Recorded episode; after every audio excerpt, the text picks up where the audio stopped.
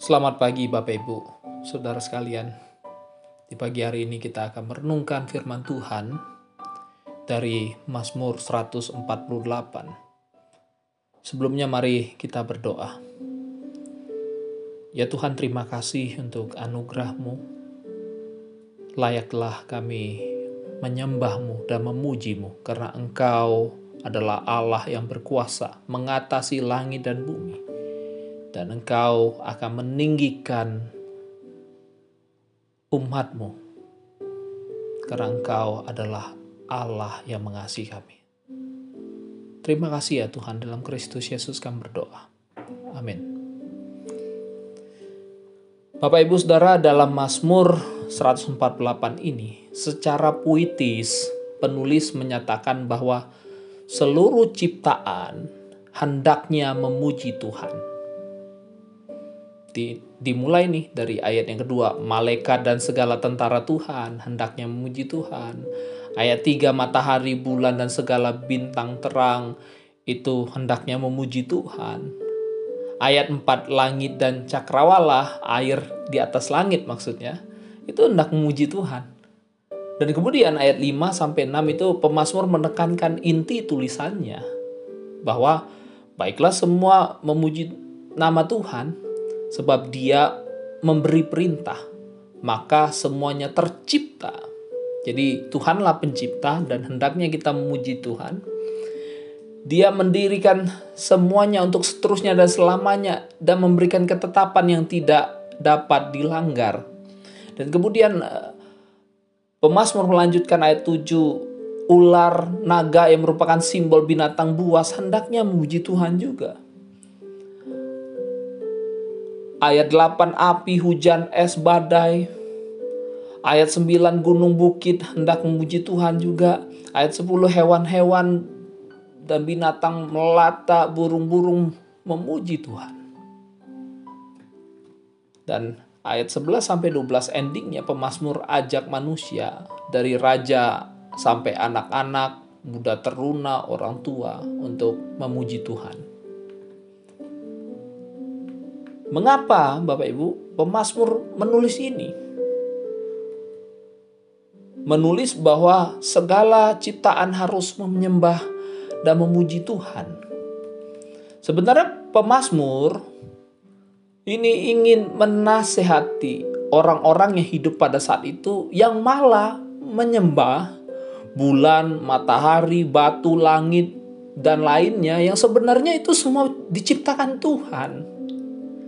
Harusnya toh manusia menyembah Tuhan, pencipta, bukan ciptaan Tuhan. Kan tetapi bagi bangsa-bangsa lain pada saat itu, bulan, bintang, matahari, dan benda-benda mulia yang lainnya itu punya roh dan hidup. Dan bagi mereka benda-benda tersebut, itu mereka sembah dan menjadi dewa mereka.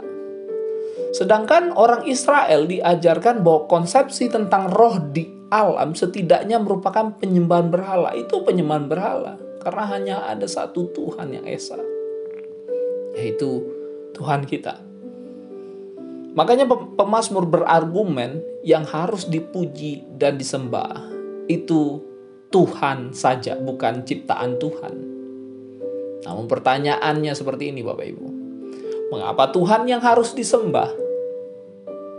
Dan pemazmur menjelaskan alasan mengapa manusia harus memuji Tuhan itu di ayat 13 sampai 14 ayat terakhirnya.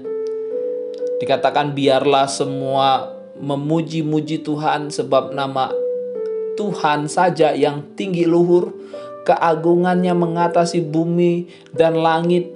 Ia telah meninggikan tanduk umatnya menjadi puji-pujian bagi semua orang yang dikasihinya. Bagi orang Israel, umat yang dekat padanya. Haleluya.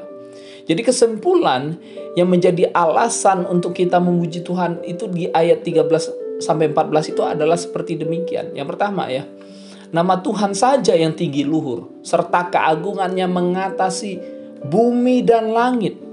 Apa maksud sederhananya Bapak Ibu? Maksudnya seperti ini, sederhananya. Tuhan itu tinggi, berkuasa di atas segala sesuatu yang ada di dunia betapapun hebatnya makhluk atau benda-benda yang ada di dunia ini tidak ada yang bisa menandingi kekuasaan Tuhan. Karena kekuasaan, kekuatan Tuhan itu mengatasi langit dan bumi. Dan yang kedua, umat harus memuji Tuhan karena Tuhan menindik, meninggikan tanduk umatnya. Nah, tanduk itu simbol dari kekuasaan dan kekuatan juga. Tadi saya jelaskan bahwa manusia dan ciptaan lain tuh punya kekuasaan dan kekuatan, tetapi tidak sebanding dengan kekuatan Tuhan. Akan tetapi di sini pemazmur katakan, Tuhan akan meninggikan tanduk itu. Kekuatan dan kekuasaan manusia itu ditinggikan Tuhan sedikit. Sehingga kita tuh dapat melebihi ciptaan yang lain. Sehingga kita dapat menjalani hidup untuk mengasihi Tuhan dan memuliakan Tuhan lebih dari ciptaan yang lain. Bapak Ibu, saudara sekalian, mari kita hidup menyembah dan memuji Tuhan. Karena jelaslah Tuhan berkuasa atas langit dan bumi. Karena Tuhan pencipta kita. Dan karena Tuhanlah dari dari sejak semula adalah sumber dari segala sesuatu yang baik yang menjadi harapan kita. Mari kita hidup dalam sukacita hari ini sambil muji Tuhan karena Tuhanlah yang menjadi sumber harapan kita dari sekarang sampai selama-lamanya. Amin.